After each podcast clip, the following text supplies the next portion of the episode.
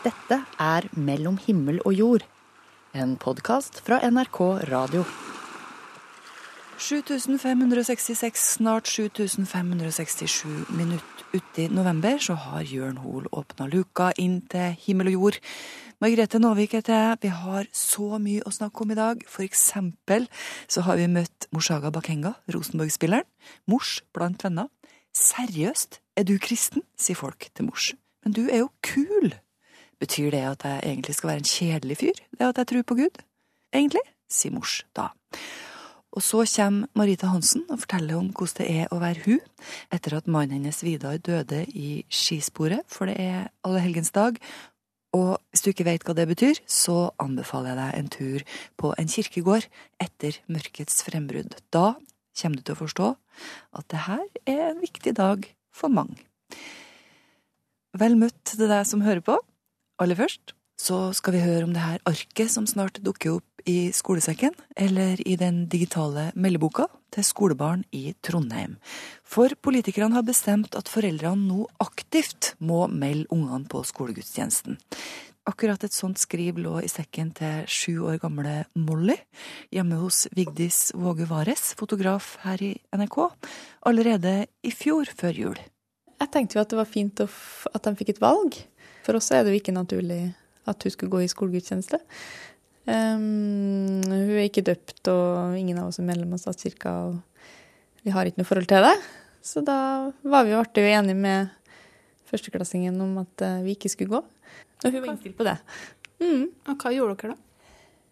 Uh, nei, da fylte hun inn skjema om at uh, hun ikke skulle være med, og så Men så ringte læreren hennes noen dager før gudstjenesta og fortalte at uh, Molly var den eneste på førstetrinnet som ikke var meldt på skolegudstjenester. Og han eh, lurte på om kanskje Molly ville være med likevel, så ikke hun skulle føle seg utafor. Da vi, ble vi jo enige med han om at vi skulle snakke med hun om det. Fordi at ja, hun liker egentlig ikke å føle seg utafor å være annerledes enn de andre. Så vi satte pris på at han spurte om det. Skrivet som Vigdis snakker om, fant også veien hjem til meg. For Vigdis er ikke bare en kollega her i NRK. Dattera hennes Molly går på samme skole og trinn som jenta mi Freya. Jeg husker godt da Vigdis fortalte om telefonen fra læreren og hva de gjorde videre. Vi forklarte at hun var den eneste eh, som ikke skulle gå, og at hun kunne få lov å være igjen på skolen. Skulle være noe skulle få sitte og tegne eller et eller annet sånt der. Men da ble hun veldig usikker, for hun var jo på en måte innstilt på det at uh, ja, I familien vår så er vi ikke kristne, og derfor så går vi ikke i kirka. Uh, og mm, ja, hun ble veldig usikker på hva, hva hun ville. Uh, men vi overtalte henne vel egentlig til å bli med, for vi følte at det var det mest riktige, siden hun er litt usikker på seg sjøl og egentlig ikke er så veldig glad i å skille seg ut. Ja, det er kanskje ikke så mange førsteklassinger som er glad i å være annerledes? Nei, det er jo egentlig ikke det. Så det er godt å, være, godt å gjøre det samme som alle andre. Og derfor så valgte vi at eh, hun, hun skulle få bli med de andre på julegudstjenester. Mm. Det var første gang i fjor at foreldrene til barn på Ila skole aktivt måtte melde barna på skolegudstjenesten før jul. Bakgrunnen var at Utdanningsdirektoratet anbefalte skolene å ha en sånn påmelding, og rektor Trude Mathisen syns dette er en ryddig ordning i et mangfoldig samfunn som vårt. I alt var rundt 10% av de nesten 400 elevene igjen på skolen, mens de andre var i kirka. Det som er utfordringa med det her, det er jo det at et, på et område hvor man snakker om verdier, så deler vi ungene. Så klart det er en utfordring. Så man legger veldig vekt på at det skal være inkluderende, det skal være ikke-diskriminerende.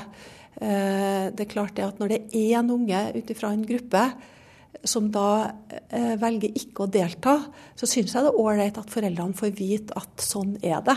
Så kan de ta en runde til med seg sjøl, om de ønsker det eller ikke.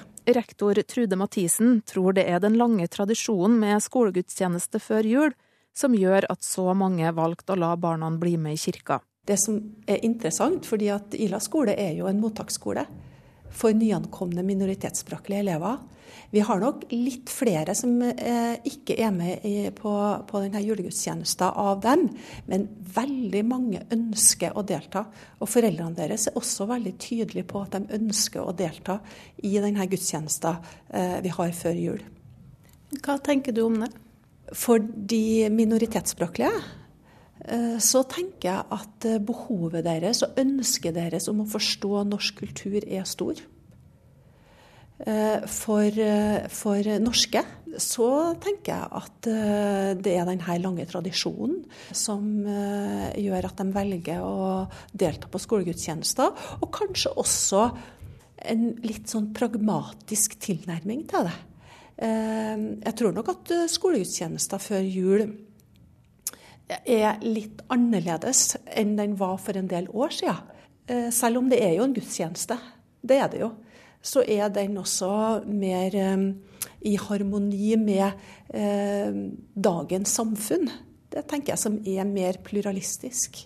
Men selv om skolegudstjenesten kanskje har endra seg siden kollega Vigdis var barn, ble hun skikkelig overraska over at det ikke var flere som ville droppe skolegudstjenesten for sine barn. Jeg ble veldig overraska over det. Jeg har jo inntrykk av at det er flere som ikke døper barna sine og ikke har noe forhold til kirka til daglig. Og derfor så tenker jeg at det der egentlig ikke er en naturlig ting for folk. Jeg forstår at det er en tradisjon, men jeg tenkte, jeg husker som barn sjøl at jeg syntes hele det der opplegget var egentlig ganske grusomt. Vi ble jo tvunget til å gå julegudstjeneste. Så mm, jeg var overraska. Mm. Men hadde det ikke vært fint for uh, Molly å se på en måte hva som foregår i kirka, så måtte det være en anledning til det, da? Jo, det er jo en lærdom, og det er jo en opplevelse. Absolutt. Sånn at um, sånn sett så gjør det jo ingenting at du var med på det. Men når han fikk et valg, så føltes det mest naturlig for oss at hun ikke ble med på det. Eh, sånn i utgangspunktet. Selv om Utdanningsdirektoratet anbefaler aktiv påmelding til skolegudstjenestene, er det fortsatt opp til hver enkelt skole hvordan de gjør det. Bortsett fra i Trondheim, da, hvor politikerne nå har bestemt at det skal være aktiv påmelding, sånn som på Ila skole. Vigdis syns det er bra at man får et valg. Ja, Både det med religion, men også det at kirka kan ha veldig, veldig mange følelser for, for, barn. Da. Hva om et barn har nylig gravlagt et familiemedlem, så kan det dukke opp veldig mye sorg og vanskelige ting. Så det, det kan være godt å ha et aktivt valg, på en måte, tenker jeg. Hva gjør dere i år nå, da? Jeg vet ikke. Jeg, jeg, tror kanskje hun kommer til å bli med i år. Jeg tror kanskje hun, hun syns det var en fin opplevelse da, å være i kirka. Og Da er jo det hennes valg, og nå vet hun jo hva hun, hva hun får velge mellom. Så jeg tror faktisk hun kommer til å velge å være med i år. Det sier Vigdis Våge Vares, som også er kollega og venninne til vår reporter Lise Sørensen. Det er allehelgensdag, en dag da mange går på grava til sine kjære, eller minnes dem på annet vis. Vi skal møte Marita nå. Marita hun fikk eh, bare noen måneder sammen med Vidar, og nå har hun skrevet sin historie om sorg i boka Og hver morgen våkner jeg. Livet og døden er hverandre uvedkommende. Først er vi levende, og så er vi døde. Først er vi her, og så er vi ikke. Først går han på ski, og så faller han. Tre timer før hadde vi danset på kjøkkenet, spist havregrøt, smurt ski. En time før hadde vi rent nedover bakkene, kjent farten i kroppen, vind mot ansiktet. 40 minutter før hadde vi kommet fram til skihytta, spist vafler, drukket kaffe. Ti minutter før hadde jeg sutret over skibindingen som faen ikke ville på. Kan du hjelpe meg, Vidar, hadde jeg sagt. Jeg får det ikke til,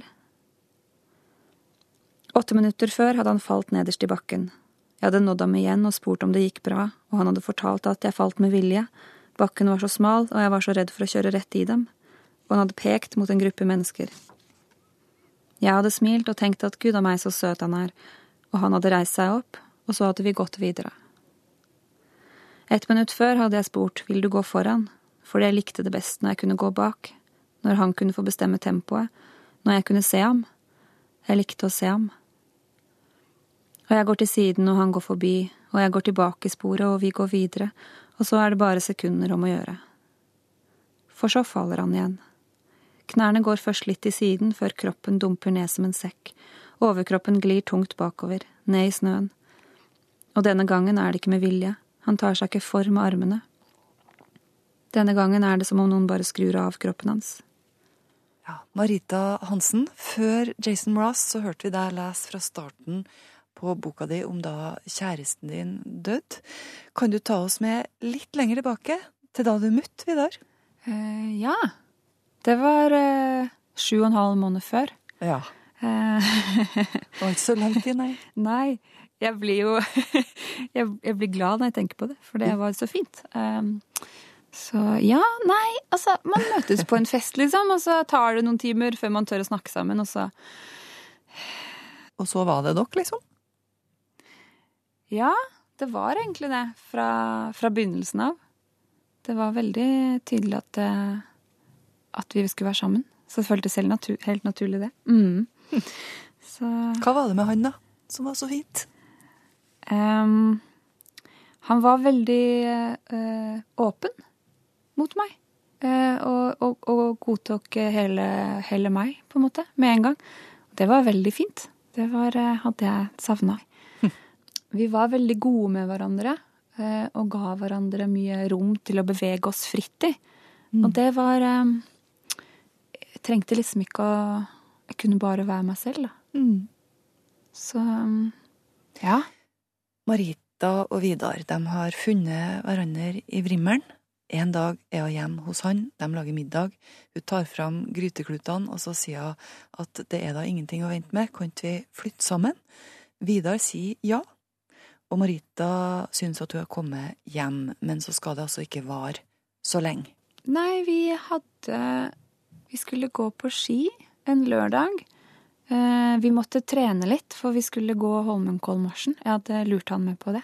Så da måtte vi jo nesten, det var det jo bare noen få uker igjen til, så da måtte vi nesten ta, ta oss en skitur. Eh, eh, så går vi på ski og kommer frem til en skihytte og spiser vafler og drikker kaffe sammen med alle de andre, og så går vi videre. Um, og så bare faller han rett foran meg. Og er død, egentlig. Det blir mye styr. Marita prøver på gjenopplivning. Helikopteret kommer, og legen. Det er flere i skisporet. Et par damer tar godt hånd om hun. De blir bedt om å gå litt til sida.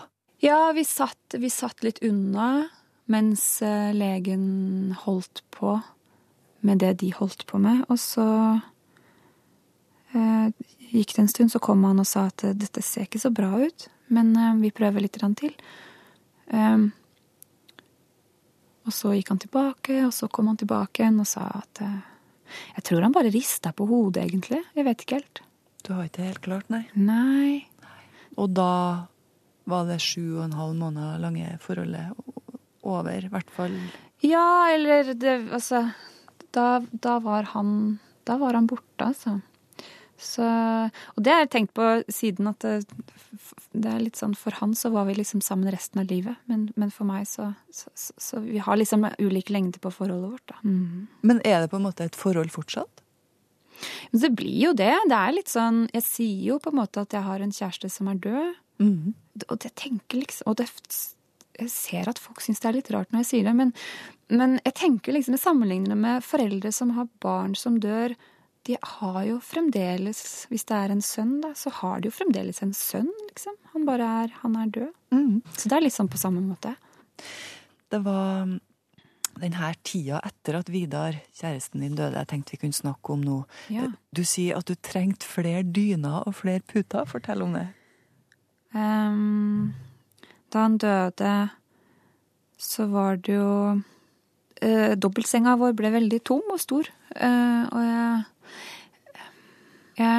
På natta Jeg sov på natta, men jeg hadde liksom eh, Jeg hadde puter på hver side og laga meg litt sånn fort, egentlig. Og hadde måttet ha noe tungt oppå kroppen. Det var veldig, Og så har jeg lest senere at barn som, har, som er veldig urolige, har ADHD, har liksom problemer med å falle til ro, de får sånne dyner som har sånne kuler inni seg for å roe seg selv på natta.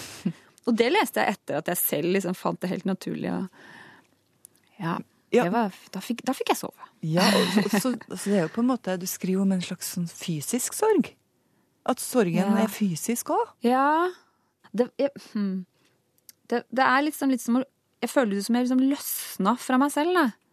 Akkurat som hvis man er liksom, til daglig og vanlig er ganske sånn sammenhengende i kroppen sin. Og vet hvor man er og liksom Men jeg følte at jeg liksom løsna og ble litt sånn der fragmentert og utsvevet, holdt jeg på å si. Det, det er kanskje ikke Mm. uten grunn at det heter å gå i oppløsning? Ja, nei, ikke sant. Det, Mm. er, det, er, det var Det føltes ut som jeg gikk i oppløsning. Mm. Og så da hjalp det liksom å pakke seg inn i Ja, dyna? og, og det er vel litt sånn å bli holdt, da. Mm. Og jeg hadde ingen som holdt rundt meg. Det var jo Vidar som gjorde det. Mm. Um, så da ble dyner ble, Det ble en fin eh, Det funka fint, da. Mm. Hvor mange dyner har du nå? Nå har jeg én. Ja, du har Ja. gått ned til én. Ja, men jeg har fremdeles fire puter, altså. Har du det er det? veldig godt å liksom ligge sånn. Ja. Mm. men jeg har de ved siden av meg. Jeg har ikke oppå lenger. Mestrer jeg å sove med én dyne. Men du, du sier i boka di òg, samtidig som at du sier at du på en måte løsna fra deg sjøl, så at Mm. du òg hadde en følelse av tilstedeværelse som du ikke har kjent før. Ja, det ble en veldig sånn dobbel greie med å være føle at jeg var helt til stede i øyeblikket og møte med andre mennesker, samtidig som jeg alt var litt sånn utenfor òg. De første månedene etter at han døde, så ble alt veldig sånn eksistensielt, og jeg ble veldig naken i møte med andre, da. Var det noe godt med det? t- eh, jeg tror det, fordi jeg merka at andre også ble mye nærere når de snakka med meg. De snakka om mye mer sånn nærere ting. Men jeg tror at det er en tilstand som liksom naturlig går over, da, og det, det må det gjøre òg hvis man skal klare å få tilbake noe normalitet. For det blir en sånn ekstrem eh, reaksjon, da. Det er godt når livet begynner å handle om liksom gardiner igjen. Det har det så smått begynt å gjøre igjen, og det er veldig fint. Men altså, selv om han døde, så, så er jo ikke kjærligheten imellom oss død, på en måte. Så den fortsetter jo å påvirke meg enda. Og tror jeg alltid vil fortsette å påvirke meg, da. Det vi, når jeg tenker på han, så blir jeg først glad, og så blir jeg trist. Jeg må først smile. Blir, eh, han var et fantastisk menneske, og, og påvirker meg enda. Det gjør han, altså. Mm. Hva tenker du om altså du, I og med at du, du sier at du smiler når du tenker på han, og Mm. så blir du trist, så er han jo her på en måte ennå. Ja, altså jeg, jeg refererer jo til han og i samtaler med andre på samme måte som jeg refererer til andre som lever. Og, og det, hadde, det føles så kunstig for meg å liksom slutte å For jeg tror kanskje noen tenker at eh, når en person dør, så la han være død. Som om vi liksom nesten skal slette han, da. For alle minnene våre. Og det føles så en, brutalt. Da er det på en måte som om vi skal liksom Jeg vet ikke. Eh, jeg tenker jo på han, så jeg, jeg vil snakke om han, liksom. Han fins jo i minnene mine fremdeles. Det, Men sy- for har du en sånn følelse av at uh, omgivelsene tenker det? At nå bør jeg slutte å snakke om han, liksom? ja, da høres, altså jeg snakker jo ikke om han hele tida, jeg snakker om masse andre ting òg, altså. Men, men jeg, Snakker om gardiner Jeg snakker om gardiner. Og, men, men jeg tror kanskje noen tenker at når noen folk dør, så må vi la dem være døde. Da. Vi må bare ikke snakke om dem. Vi må snakke om de som er levende. Og det er sånn, ja, men vi kan jo ikke bare gjøre begge deler? Jeg syns det er fint, da. og han finnes jo på en måte så lenge Han kommer til å finnes helt til alle de som visste om han ikke lever lenger. Og, ikke? Altså, jo Så sånn kan vi Jeg tror ikke på Gud um, og et liv etter døden, men vi fins jo så lenge noen vet om oss, liksom. For livet finnes her i hendene mine. Jeg kan holde det. Det er sola som varmer på huden. Det er ansiktet som treffer vinden. Lukten av havet. Lyden av bølgene. Pulsslag. Det er inne i alle menneskene. Det er hjertet mitt som slår. Det er takknemligheten, alle ordene som fremdeles finnes. Det er her. Innenfor sine rammer begripelig, håndterlig, levelig. Først er vi her, og så er vi ikke. NRK P1. Jeg heter Ingebrigt Sten Jensen, og jeg tror sikkert på mange ting. Men aller mest så tror jeg på kraften det er i hva vi som mennesker kan få til når vi gjør ting sammen. Eh, jeg er dårlig, veldig dårlig aleine. Jeg kan være bra når jeg er sammen med andre. Og det er når mennesker spiller sammen, vil det samme, deler de samme drømmene, blir inkludert, involvert og får eierskap til ting, det er da mirakler kan oppstå. Da kan Rosenborg slå Real Madrid, da kan Stabæk slå Rosenborg, og da kan et musikkorps spille klingende janitsjar-musikk både på 17. mai og til jul. Eh, så jeg tror på kraften i det folk får til sammen. Det, det er en, en ikke bare en tro, men det er grensene til en overbevisning. Foran meg her så har jeg et lite skrin. Og oppi det her skrinet så ligger det en liten skatt som har ligget gjemt i noen år. Og nå passa det veldig bra å ta den fram igjen. Hør bare her. No, lo, lo, lo, la, lo, lo, lo. No, lo, lo, lo, la, lo, lo, lo. No, lo, lo, lo, la, lo, lo, lo. No, lo, lo, lo, la, lo, lo, lo. No, lo, lo, la, lo. No, lo, lo, la, lo. Denne dama møtte jeg i Røyrvik her i Trøndelag for mange år siden. Hun var sørsame og joika en joik til meg, som jeg har tatt vare på. Og grunnen til at jeg tar den fram nå, det er at forbudte sanger har vært et tema under eh, Oslo World Music Festival denne uka. Joik har blitt kalt djevelens redskap tidligere, og det har den jo til felles med flere instrumenter. Fela mellom andre. Avisa Vårt Land hadde en interessant artikkel på tirsdag om djevelske instrumenter som har prega kirkehistorien. Felespiller eh, Halvard T. Bjørgum han jobber akkurat nå med ei bok om folkemusikerne sin kamp mot kirkens fordømmelse av deres musikk. Han forteller til Vårt Land at eh, like etter Hans Nilsen Hauges tid, da lekmannsbevegelsen sto sterkt her i landet, så kom 17 felespillere fra Nissedal sammen og ble enige om å kaste sine syndige instrumenter på bålet. 17 fioliner, altså. Nå skulle det bli slutt på denne musikalske ugudeligheten i landet vårt. Nå har både joiken og fela fått godkjent stempel de fleste steder, og i år så løfter Oslo World Music Festival altså joiken opp. Men der den kommer fra, og blant mange samer, så er jo joiken fortsatt kontroversiell, og har ikke plass i alle kirkerom. Svein Ole Engelsvold han hadde besøk av Mari Boine tidligere denne uka her, og hun forteller om hvordan familien hennes så på sang og joik da hun var barn. Ja, begge mine foreldre var jo skeptiske. For det første til det at jeg skulle eh, synge vanlige sanger, og det at jeg skulle turnere og stå på scenen. Men eh, Hva var det de ikke likte med det?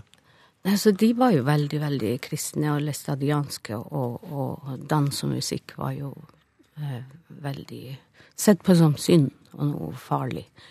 Og i tillegg så var jo joiken Altså, de hørte jo til den generasjonen som hadde tatt på alvor det misjonærene hadde innprenta i dem i, i, generasjoner, om at, um, at alt dette kom fra, fra djevelen. Mm. Og uh, det som For meg er det viktig, for at mange, mange her i dag her sørpå blir overraska over de holdningene at fins det fremdeles nå i 2016 men uh, det her er jo ting som er prenta inn, og som er overført også til en del av de yngre. Og det fins også en, en, For når jeg har spurt uh, min, mine, min foreldregenerasjon hvorfor de er så negative til joiken, så er en del av historien det at, at man forbinder joik med fyll. Og da har jeg sett på det og ser at Samtidig som eh, man begynte med kristninga, så kom man også med alkoholen. Vi hadde ikke alkohol. Mm. Og så og, og, og, fortalte folket at det de hadde, var um, fra djevelen. Og folk ble jo redd. Og så, når de da drakk, så, så kom jo eh, da kom jo det som var naturlig for dem å synge. Så fikk man denne, denne koblinga med, med, alkohol og joik. Mm. Og at uh, min foreldregenerasjon, de har vonde minner med, med fyll og joik. Mm. Sånn at det er en del av grunnen til at de er negative, men bakenfor ligger også alle disse historiene med innprenting av at det var noe fra djevelen. Og sikkert også fordi at joiken var en del av de sjamanistiske ritualene. Hvor, hvor, mye lettere har det blitt etter hvert for deg da, eh, Mari?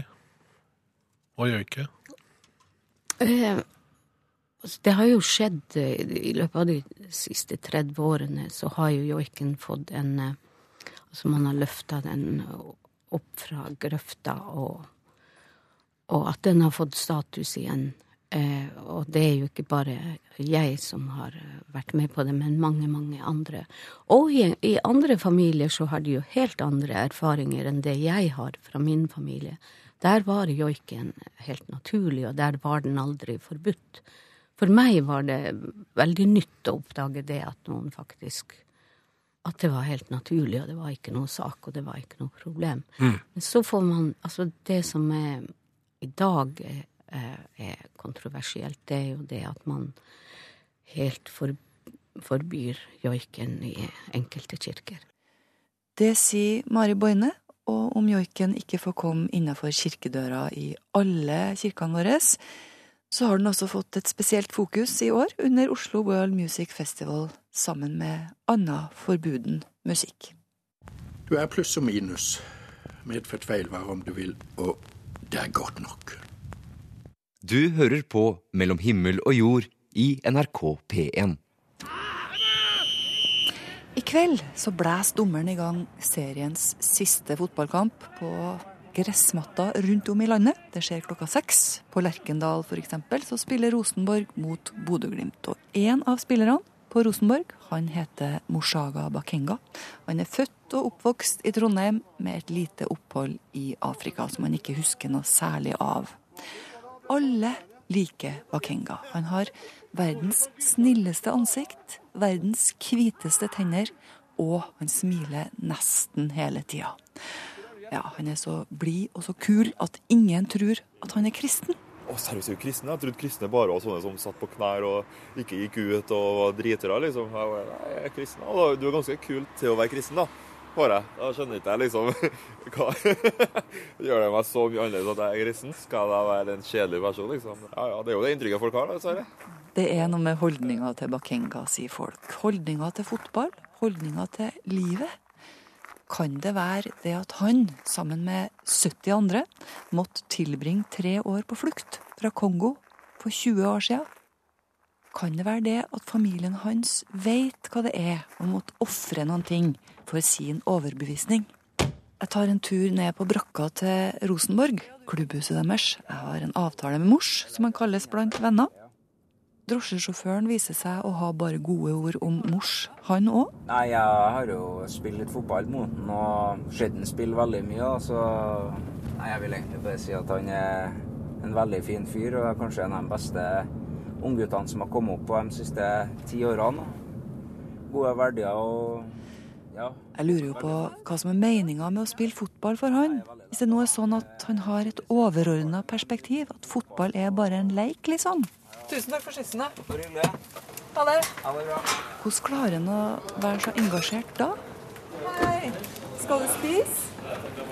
Ja, jeg kan bare sette meg her. Han har trent og må spise. Setter meg ned innenfor døra på brakka. Og her snakker man selvsagt om fotball, men ikke bare. Hva menes med både menn også? Det er jo helt meningsløst. Det er bra, så Sånne ting snakker man òg om her på brakka. Ja, jeg gjør det. Ikke bare fotball? Men da, nei, da, men da begynner jeg Åh, nå begynner en Trygve igjen. Mors er ferdig med å spise, og han forteller at uh, han ikke husker noe særlig fra da familien på 70 personer flykta fra Kongo. Han husker at de overnatta i tomme skolegårder, at de laga fotballer av poser med tau rundt, at de spilte fotball, og at de dansa. Men han tror at alle disse opplevelsene som familien har i sin historie, at hans syn på fotball er prega av dem. Nei, det blir jo ikke så viktig, da. Selvfølgelig så er det jo viktig for meg, og jeg elsker fotball og alt det her, men, men det er ikke viktigere enn det er familien min er. Eller eh, troa mi. Mm. Det er det ikke. Men du snakker jo om Gud òg. Ja. Hva, liksom, hva er Gud for deg? Nei, Han er nå liksom en far, da, som eh, jeg føler vi har opp der, og som tar vare på, som man kan snakke med og be til. og Jeg føler jo liksom at Gud er der, og at han, eh, jeg er her i dag fordi han er. For han fins. Eh, at pappa og familien min, at alle vi er i live i dag, det tror jeg er på grunn av at Gud På grunn av Guds verk, da. Hva med det som ikke er i livet, da? Hvem sitt verk er det? Nei, det er jo, altså Alt er jo Gud. Det er jo det klassiske spørsmålet jeg får da, fra folk som sier ja, hvorfor har vi det så fælt i verden? da, hvis det... Men det er nå sånn det er, da. Eh, Det, det er ikke alt man har svaret på. Men eh, jeg tror nå det at eh, det er et liv etter døden òg. Hva du gjør nå, har etterspill for livet etter døden òg. Så Hvordan blir livet ditt da? da? Nei, det vet ikke jeg. Det får han dømme. Men jeg gjør mitt beste for å være den beste versjonen av meg sjøl jeg kan være til enhver tid. Så får vi håpe at det betaler seg. Men du sier at ingenting er tilfeldig. Tenker du at du spiller fotball? At det er òg noe som Gud vil? Ja. Jeg føler at jeg fikk det talentet her av Gud. Og han gir jo meg den gaven her, og så betaler jeg tilbake med å liksom å, å lovprise han og, og ikke legge skjul på at jeg er kristen. da. Så du tenker at eh, For jeg tenkte å spørre hvorfor vil Gud at du skal spille fotball? Nei, Det er jo fordi at han vil jeg skal Alle har jo et talent. Alle har jo en mening med livet som de skal utgjøre en forskjell. Og jeg tror jo at jeg utgjør en forskjell for Sånn som jeg har hørt allerede nå, så er det mange som kommer bort, og mange kristne spesielt, som kommer bort og sier liksom at jeg utgjør en forskjell for dem på en god måte. Og at jeg, at jeg tør å stå opp. Jeg har gjort at de tør å stå opp mot, om troa deres. Så Ja, for for er det liksom flaut, syns folk? I Norge, ja. Det er det. Hvorfor er det sånn, tror du? Jeg vet ikke, men det, det er noe med Norge og janteloven, og vi er så innestengt, eh, nordmenn. Vi er hyggelige folk, vi er jo bra folk, men vi er litt vi er litt innestengt på en annen måte. og Det merker du jo hvis du går på gata og smiler til noen. Så det er ikke sånn at du får smile tilbake. Litt sånn spørsmål som kjenner jeg han, eller Litt skeptisk er vi. Og så har det smitta over, dessverre, da, på at folk ikke helt tør å stå fram om at de er kristne. Det er ikke så kult da, for de unge. Men forstår jeg deg rett når, du, når jeg syns jeg hører at du sier at det er det Gud vil med det, på en måte? Ja. Å bryte opp det? Ja, det er, for det er den kommentaren jeg får mest fra folk. Eh, Jeg blir ofte stoppa på gata, og kommentaren jeg får, er jo liksom at du hjelper med å bryte ned det kristne image, eller den veggen vi har mellom normale samfunnet og kristne samfunnet. Eh, For jeg vet ikke hvorfor det skal være en vegg der. Og kristne, eh, Kristendommen handler jo om å ta inn folk og være åpen, men det går jo ikke hvis folk er redd for å si at de er kristne, eller å, eh, ja, redd for å få den liksom seriøse kristen-kommentaren. Så nei, det tror jeg at jeg er her for, eh, blant annet. Det sier Moshaga Bakenga, populær fotballspiller på Rosenborg, som altså ofte får spørsmålet Seriøst, er du kristen? Og som spiller seriens siste kamp, i likhet med mange andre i kveld klokka seks. Og vet du ikke hvem Bakenga er, så kan du gå inn på Facebook-sida vår. Der har vi lagt ut et bilde av den smilende fotballspilleren. NRK Livet heter vi der. I kveld tror jeg vi vinner igjen, sånn som vi gjorde i semifinalen. Eh, og så tror jeg at vi får en, eh, en god feiring etter kampen med eh, både klubben og supporterne. Så det blir en eh, fin søndag. Ble det salmesang, da? Jeg kan jo prøve å fyre opp, da. Det skal jo ikke. Nå tror jeg får med meg så mange. Det hadde gjort seg. Følelser. Humanbiolog Terje Bongar snakker om fellesskapsfølelsen. Når vi er eh, sammen, små grupper, så ser vi hverandre i øynene, og så blir vi kjente, og så blir vi gode venner. Da får vi den eh, Da kan, kan vi klare å utvikle den fellesskapsfølelsen. Dermed så kan vi klare å samarbeide hvis vi er i små grupper. Vi, det, det er det vi opplever når vi, er, eh, når vi eh, går inn i organisasjoner. Vi blir en, melder oss inn i et sangkor eller en eller annen gruppe, eller et eller annet sånt, så sitter vi der og så har vi et møte. Folk snakker, og vi hører på hverandre, og vi tar avstemninger. Vi skriver et referat, og vi I det hele tatt. Vi velger en tillitsvalgt. Mm. Vi velger et menneske som vi, som vi stoler på, det mennesket vi setter mest pris på, og så stemmer vi over det, og så velger vi det mennesket. De funksjonene der sånn, de er medfødte. Einar Gerhardsen skrev en bok allerede på 30-tallet som het 'Tillitsmannen', hvor han beskriver alle de trekka som må til for at en organisasjon skal fungere. Og hvis den tillitsvalgte svikter og blir korrupt, så får du får mistillitsvotum, og så velger vi en ny en. Det Prinsippene der sånn, i den inngruppa, som det heter, det har jeg brukt for å lage en demokratimodell for Norge. Rett og slett. Rett og slett et politisk system? Ja. Det? Ja. Et, et styringssystem, et demokratisk system. Det er ganske kan- ambisiøst, da. Det er det. Mm. Men samtidig så har jeg altså da hele vitenskapen bak meg. Alt som er av psykologi og det som heter spillteori. Setter du mennesker i sånne eksperimentelle situasjoner hvor de skal samarbeide, og så, oppfører mennesker seg på den måten. De hindrer Korrupsjonen blir borte når noen ser deg. Det er i de store samfunna det er skummelt og, og farlig og vanskelig. Du, du, går du ut i byen her, så kan du ikke legge fra deg lommeboka di på en kafé og, og gå på do. Det går ikke. Hvis vi tenker oss det, at vi lager en sånn inngruppe på hver eneste arbeidsplass, hvor du eier arbeidsplassen sammen med de du jobber sammen med, så kan du fremdeles ha kontroll på at ingen sniker seg unna fordi at du er en del av gruppa. Og du jobber fremdeles fordi at du trenger å lage de tinga du lager. Så sender du en tillitsvalgt opp til neste nivå, som er eh, kommune, litt sånn under kommunenivå. Som igjen er en inngruppe på akkurat samme måten, som styrer da et område. Tillitsvalgt akkurat på samme måte som Gerhardsen beskrev. Og neste nivå igjen. Og hvis du gjør sånn med en eh, gruppestørrelse på en 25-30-40 mennesker, så har du i løpet av fem nivåer så har du hele det norske samfunnet organisert helt opp til Stortinget. Da har du valgt et storting demokratisk gjennom inngrupper. Og alt er åpent. Alle vedtak legges på internett. Og ingen kan snike seg unna å være korrupte. Det er ikke snakk om Men noe skulle du starta et politisk parti? Ja, det jeg gjør nå, er jo å prøve å få innpass i de eksisterende politiske partiene, da. Så jeg Du jobber så- med saken? Du, du vil inn i politikken, liksom? Ja. Men uh, du hadde noen sånne eksempler som er artig. Uh, F.eks. dette med skepsis til fremmede. ja. Det er en del av Hva er hensikten med det, liksom? Ja, det er en, en del av biologien. Hvis vi går til biologien, så er det alltid sånn at eh, det er artsfrendene dine som er de farlige. Det er de som er ute etter det samme som, som du er ute etter. De er ute etter bostedet ditt, maten din, partneren din. Det er de som er de farlige. Løvene var ikke farlige. Altså, De visste du hvor var hen, og du kunne bare holde deg unna, eller du kunne vise deg fram og prøve å drepe dem og sånn. Men, men det er artsfrendene som er farlige.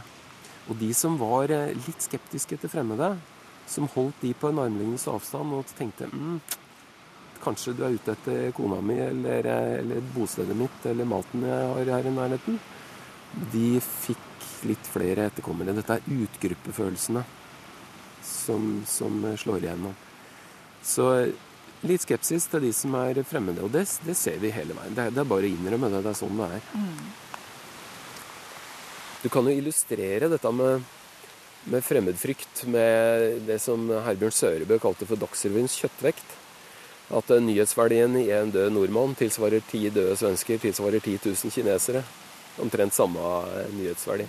Og det er en sånn litt sånn kynisk, eh, ettertenksom betraktning over akkurat det med fremmedfrykt. Fordi at vi ser det jo hele tida. Det, det, det faller oss lett å si at hvis det har vært en ulykke et eller annet sted, dette med et fly eller noe sånt, så er det alltid Det var ingen nordmenn med. Det er en del av det. For det er jo det som interesserer oss, da. Ikke sant? Ikke bare de pårørende, men, men oss som nasjon, liksom, er Mm. interessert i det. Treffer du en nordmann i Kina, så stopper du å snakke med han. Oi, ikke sant, er du i Kina. Er du norsk? Så vi er liksom ute etter den fellesskapsfølelsen hele tida? Fellesskapsfølelsen er veldig viktig. Ja.